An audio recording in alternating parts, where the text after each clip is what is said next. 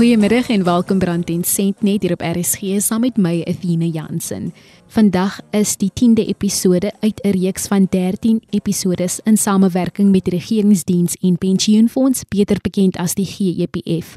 Ons beantwoord die algemene vrae van lede en pensionaarsse. Jy is welkom om jou vrae na die SMS-lyn te stuur 45889 teen R1.50 en jy kan ook vra na my e-pos stuur athena.jansen6@gmail.com. Die luisteraars behoort al Omilia Hartzenberg se stem te herken.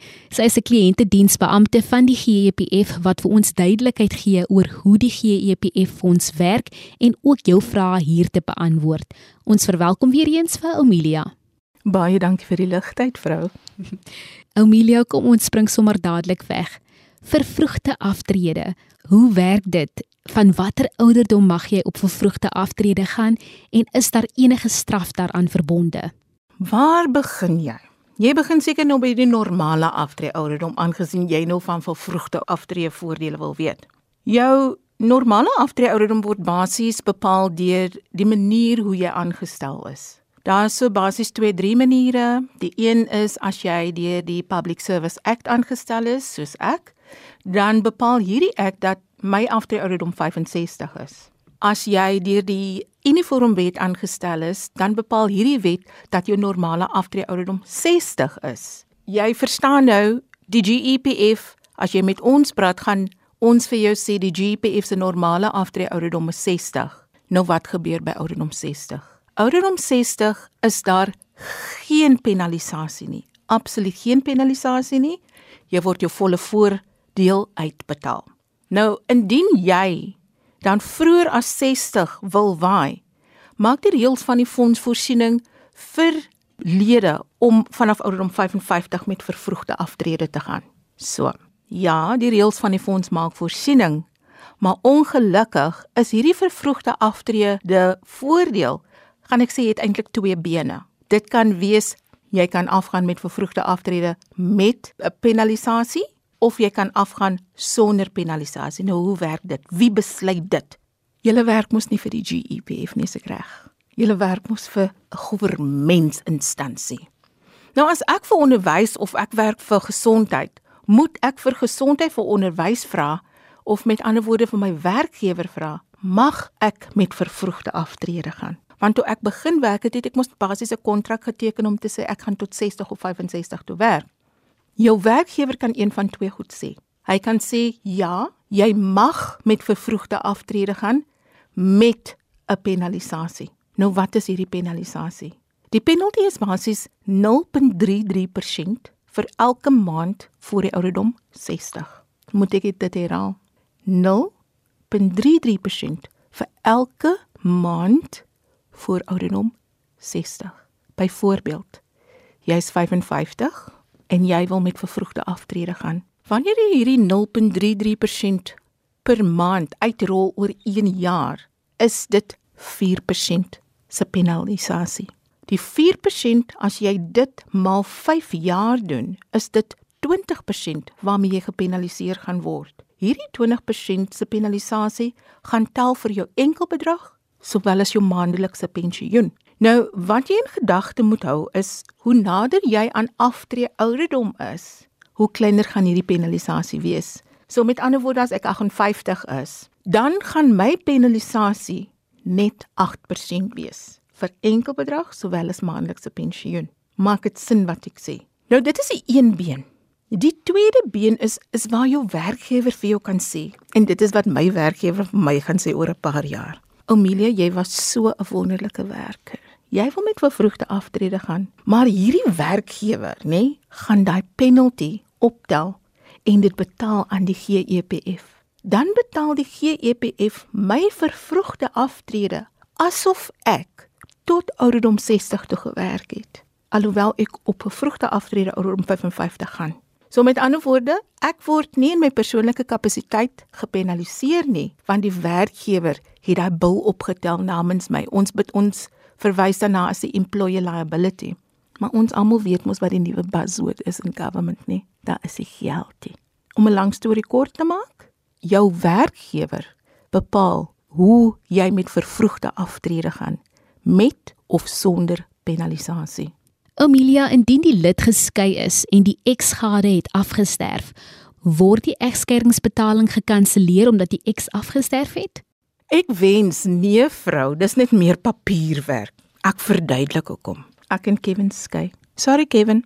En Kevin kom tot sterwe. Maar hierdie skikkingsakte het gesê Kevin moet 50% van my pensioen kry. En my pensioenwaarde was 'n miljoen rand die dag toe ons geskei het. So 500 000 rand van hierdie geld is mos eintlik syne. Maar voordat hy kon aansoek gedoen het vir hierdie egskeidingsbetaling om uitbetaal te word, het hy afgesterf. En die feit dat hy afgesterf het, kanselleer of annul nie hierdie skikkingsakte wat uitgereik is deur die hof nie. Daai 500 000 rand moet nog altyd aan Kevin tussen aanhalingstekens betaal word. Maar hierdie keer gaan dit betaal word in Kevin se boedelrekening. So ek kan nou nie vir lekker om te sê of planne maak om vir Kevin dood te maak nie, om hierdie ekskeidingsbevel te kanselleer nie. Dit gaan nog steeds aan Kevin betaal word, maar dit gaan in sy boedelrekening betaal word. So Atine, die antwoord is nee. Jy is ingeskakel op RSG saam met my Athena Jansen. Rand en sent word met trots aan jou gebring deur die SABC Opvoedkunde in vennootskap met die Regeringsdiens en Pensioenfonds. Vir ryk denke, vir ryk lewens. Amelia, wat is die verskil tussen kinderpensioen en weeskindpensioen en wanneer het die reëls verander? Ek gaan eers begin met die weeskindpensioen want dit is 'n ou reël. Destyds, as 'n lid of 'n pensionaris afgesterf het en daar was kinders, kon ons net 'n maandelikse pensioen betaal het aan 'n kind wie se ouers, beide mamma en beide pappa afgesterf het. Met ander woorde, my kind is 'n weeskind. Daar is nie 'n mamma en 'n pappa nie. Net so 'n kind kon 'n pensioen gekry het. Maar weet jy, soos ek sê, die lewe gebeur. Ek gaan dood. My man het gaan seep koop. Niemand weet waar hierdie siel is nie en my kinders word dan verhoed om 'n maandelikse pensioen te kry omdat Homefee sê hierdie persoon se ma of se pa lewe nog. En dit was die grootste rede hoekom die GEPF weer na hierdie reëls gekyk het en gesê maar ons doen eintlik 'n onreg aan die kinders. Kom ons kyk hoe ons dit kan verbeter. En dit is hoe die reëlverandering geïmplementeer was 1/6/2018. Deel van die vorige regime se pensioen vir weeskinders is die kinders moes voltydse studente gewees het vanaf ouderdom 18 tot 22. En weet jy wat? Met die nuwe reëls het dit ook verander. Ons sê nou van 0 tot 22, ongeag die kind nog skool gaan, kan ons 'n kinderpensioen betaal. En as net een lid van die ouer paar afgesterf het, kan ons 'n kinderpensioen betaal en dit is absoluut fantasties. Hierdie maandelikse pensioen betaal ons dan nou aan die minderjarige kind se wettige voog. Wanneer die kind 18 word, kan dit direk aan die kind betaal word. So die twee grootste verskille tussen kinderpensioen en weeskindpensioen is in die verlede voor 2018 moes beide ouers gesterf het in orde om 'n weeskindpensioen te betaal maar vanaf 1/6/2018 as net een ouer afgesterf het, dan kan ons 'n kinderpensioen aan so 'n persoon betaal. Amelia voor ons 'n kort breek neem. Wat is die beste opsie tussen aftrede teenoor bedanking? Is dit nou om my uit te vang of wat? Luister, ek verwys na daai vraag, na die million dollar question vraag. Eerstens moet ek dit baie baie duidelik maak ek is nie 'n finansiële adviseur nie. Ek kan nie vir jou sê wat die beste is nie. Want die wat die beste gaan wees vir my, gaan nie noodwendig die beste wees vir jou nie. En ek gaan bietjie uitbrei. Jy dink seker nou hierdie vrou waarvan praat sy? Nommer 1. Ek weet of ek met geld kan werk al dan nie. Ek weet watter skuld ek het om klaar te maak of nie. Ek weet of my kinders nog universiteit moet gaan. Ek weet of ek nog 'n nuwe kar wil koop en en en. So. As jy by hierdie vraag kom, moet jy jouself afvra: Indien ek kies om te bedank, kan ek met hierdie geld werk? Nommer 1. Wat gaan die belasting implikasie wees? Hoe lank gaan hierdie geld vir my hou as ek my klaar my kar gekoop het, my huis klaar betaal het en en en. Mense dink dat 'n miljoen rand vir hulle vir 20 jaar gaan hou. Met die lewensverwagtinge, met die goed wat elke dag opgaan, cost of living wat elke dag as die krag opgaan, as die petrol opgaan, gaan al die kos op, alles gaan op. So vra jouself af, hoe lank gaan hierdie geld hou? Ek het flissies genoem van wat ek nodig het. As ek die dag uit diens uittreë, wil ek 'n goeie mediese fonds hê, want ek is 'n kroniese pasiënt. So ek wil die foon kan optel en my dokter bel en sê luister, ek voel nie lekker nie, kan ek jou kom sien? Ek wil nie 'n piknikmandjie pak en in 'n lyn gaan sit by 'n kliniek en my beurt afwag nie. Soos ek vir jou sê, dit is my behoeftes. Dis wat ek wil hê. So basies wat ek wil hê is vir myself, ek wil 'n mediese fonds hê. Ek wil my begrafnisdekking behou wanneer ek aftree. Ek wil 'n maandelikse inkomste hê. En as ek 'n maandelikse inkomste het, maak ek outomaties voorsiening vir 'n gade pensioen sou ek tot sterwe kom. My kinders is nog jonk, ek het nog 'n 11-jarige seentjie. So kom ek tot sterwe kan my 11-jarige seentjie 'n kinderpensioen kry. So dit is al die byvoordele wat ek kan kry wanneer ek aftree. Ek wil dit hê want dit is die omstandighede waarin ek my bevind. Nou kry jy 'n ander persoon wat verskriklik is goed is met geld. Want beleggings en en en en die persoon het nie so baie skuld soos ek nie. Die persoon het nie so baie uitgawes soos ek nie. Die huis is klaar betaal, hy wil nie 'n nuwe kar hê nie en en en. As so 'n persoon besluit, luister, vir my is dit die beste om al my geld te neem, want wat ons gewoonlik hoor, die redenasie is soos volg of ons lede sê, as ek tot sterwe kom, gaan my kind of kinders of my vrou nie geld kry of wat ook al nie. Dan moet ek hulle terugneem na aftrede. Wat betaal ons as jy aftree? Ons betaal vir jou 'n enkel bedrag sowel as 'n maandelikse pensioen. Nou die maandelikse pensioen se uitbetaling moet jy verstaan, want die formules wat ons gebruik om hierdie berekeninge te doen en die uitbetalings te doen, is van so 'n aard dit kom basies hierop neer. En luister mooi, jou maandelikse pensioen is 'n lewenslange pensioen. Dit is gewaarborg vir 5 jaar. So, binne die eerste 5 jaar betaal ons al die geld uit wat jy basies bygedra het terwyl jy gewerk het en 'n lid was van die GEPF 'n aktiewe lid. So binne die eerste 5 jaar betaal ons dit uit. Maar omdat die reëls van die fondse hierdie is 'n lewenslange pensioen, kan ons nie nou omdraai en sê na die eerste 5 jaar na aftrede, jou geld is nou op nie. Die reël van die bepaling is 'n lewenslange pensioen. So ons betaal dan jou maandelikse pensioen tot en met die dag jy sterf. Al is jy 'n pensionaris vir die volgende 20, 30, 40 jaar met die gemoedsrus dat jou maandelikse pensioen elke jaar April maand verhoog gaan word. Nou sê vir my wie kan vir jou hierdie gerusstelling gee dan buite in die privaat sektor? Want sodra jy jou geld uit die GEPF uitneem, maak jy jou geld markverwant. Dan is daar nie meer soos die Engelsman sê guarantees nie. So die GEPF guarantee jou maandelikse pensioen. Dit guarantee jou verhoging elke jaar April maand.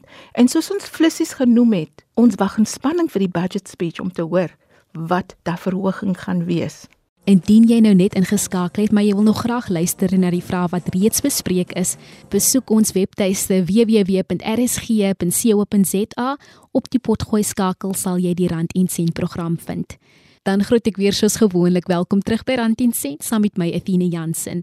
Onthou ons is ook beskikbaar op die DStv se audiokanaal 813 en OpenView kanaal 615. Gesels saam op Twitter gebruik die hitsmerk Rand en Sent en volg ons by ZARSG. En indien jy enige vrae het, stuur dit nou na die SMS lyn 45889 teen R1.50 of stuur 'n e-pos na my athenajansen6@gmail.com. 'n bekende verteenwoordiger van die regeringsdiens en pensioenfonds, Amelia Hartzenberg, beantwoord vandag jou vrae by Rand en Sent. Amelia, verlede week het ons bietjie gefokus op die verskillende aansoekvorms en die algemene foute wat daarop gemaak word. As ons nou kyk na die WP1002 vorm wat bekend is as die nominasievorm, Indien 'n lid getroud is, is dit verpligtend om die gade te nomineer. Weet jy, dit is 'n algemene vraag wat ons altyd kry en ek gegil gewoonlik by myself want ek dink die mense raak bietjie verward. Ek verduidelik gou waar die verwarring inkom. Die reëls van die fonds sê wanneer jy getroud is, in diens en jy kom tot sterwe, dat jou gade outomaties 50% van jou maandelikse pensioen gaan kry, sou jy afgetree het soos op datum van diens. So met ander woorde dieselfde formule word gebruik, maar 50% van dit gaan vir 'n gade pensioen. Nou, dit is wat jy moet weet. 'n Nominasievorm sê vir ons vir wie ons enkel bedrag moet betaal. En die reëls van die fonds bepaal wie 'n maandelikse pensioen moet kry. So lede, pensionaarsse binne die eerste 5 jaar na aftrede, jy is onder geen verpligting om jou gade te nomineer vir 'n enkel bedrag uitbetaling nie. Het ek dit stadig genoeg gesê? Jy is onder geen verpligting om jou gade te nomineer vir 'n enkel bedrag nie. Jy kan jou kinders nomineer, maar jy is onder geen verpligting om jou gade te nomineer vir deel van jou enkelbedrag nie. Oumilia, indien jy aftree en oorsee immigreer, moet die pensioen in die Suid-Afrikaanse bankrekening inbetaal word. Weet jy nee, dit hoef nie noodwendig in jou eh, Suid-Afrikaanse bankrekening inbetaal te word nie. Ons het 'n nuwe vorm beskikbaar vir foreign bankrekeninge. So, ehm um, indien jy oorsee se bankrekening oopgemaak het, is jy meer as welkom om hierdie bankbesonderhede vir ons deur te gee deur middel van hierdie vorm te voltooi en aan die GEPF te stuur. Let wel, hierdie vorm kan nie per e-pos of gefaks word na die GEPF toe nie. Ons moet die oorspronklike dokument kry vanaf die lid. So dit is wel moontlik om 'n oorseese rekening in te betaal. En dan wil ek ook net asseblief die lede of die pensionaarsse waarsku indien dit gebeur, moet asseblief nie jou ou rekening toemaak alvorens die maandelikse pensioen in hierdie nuwe rekening inbetaal word nie. Groot asseblief mense, want julle gaan op die ouende van die dag sonder 'n inkomste sit. Amelia word die dokumente vir lewenssertifikate vir pensionaarsse nog aan hulle gestuur. Weet jy 'n paar jaar gelede het ons mos nou alles elektronies gemaak. So met ander woorde, een keer 'n jaar dan kry 'n lid 'n SMS om te sê dat ons het nou die inhoud van Home Affairs bekyk en ons sien jy's nog lewendig, so jou pensioen is vir die volgende jaar nog betaalbaar. Ons stelsel is gekoppel indien jy dit nie geweet het nie, ons stelsel is gekoppel aan die Home Affairs se stelsel. So met ander woorde, sodra daar 'n doodsertifikaat uitgereik word, dan syfer hierdie inligting deur na ons stelsel toe om te sê hierdie lid het afgesterf en die pensioen word onmiddellik gestaak. Nou ons pensionaarsse wat oor see toe nou nog geïmmigreer het en so voort, is mos nou nie meer op die database van Home Affairs nie. So met ander woorde, as jy nou Australië toe gegaan het, dan word die dood op die Australiese Home Affairs stelsel aangemeld en Suid-Afrika weet nie jy's dood nie. So ons kan nie spook pensionaarsse betaal nie. Wat ek probeer sê is ons pensionaarsse met oorseese adresse, diegene kry nog hulle normale lewenssertifikaat elke jaar wat voltooi moet word deur 'n kommissaris van ede, nodige gesertifiseerde afskrif van die persoon se ID wat dan aan die GEPF gestuur kan word. Hierdie dokument mag waar jy e-mail gestuur word aan die GEPF en sodra ons hierdie dokument kry, verklaar ons die persoon weer lewendig vir die volgende 12 maande. So ja, Ons stuur lewenssertifikate uit vir diegene wat oor see bly, vir hierdie persone wat in Suid-Afrika is en die inligting wat ons het op ons rekords en die inligting wat Home Affairs het op hulle rekords, as dit miskien enigstens verskil in enige aard, dan sal diegene ook lewenssertifikate uitgereik word, maar dit is baie baie minimaal want dit is nou vir elektronies. Ek is seker dit is 'n algemene vraag wat jy ontvang kan jy 'n SASSA pensioen kry as ook 'n GEPF pensioen? Weet jy hierdie vraag is amper holrigery. Maar die antwoord is ja en nee. En is amper ek weet nie. Ek hoop ek maak sin. Ek verduidelik. GPS is mos verantwoordelik vir die pensioen wat GEPF betaal. Nou SASSA is mos 'n ander instansie. So ons kan nie sê wat by hierdie instansie gebeur om 'n SASSA pensioen goed te keer nie.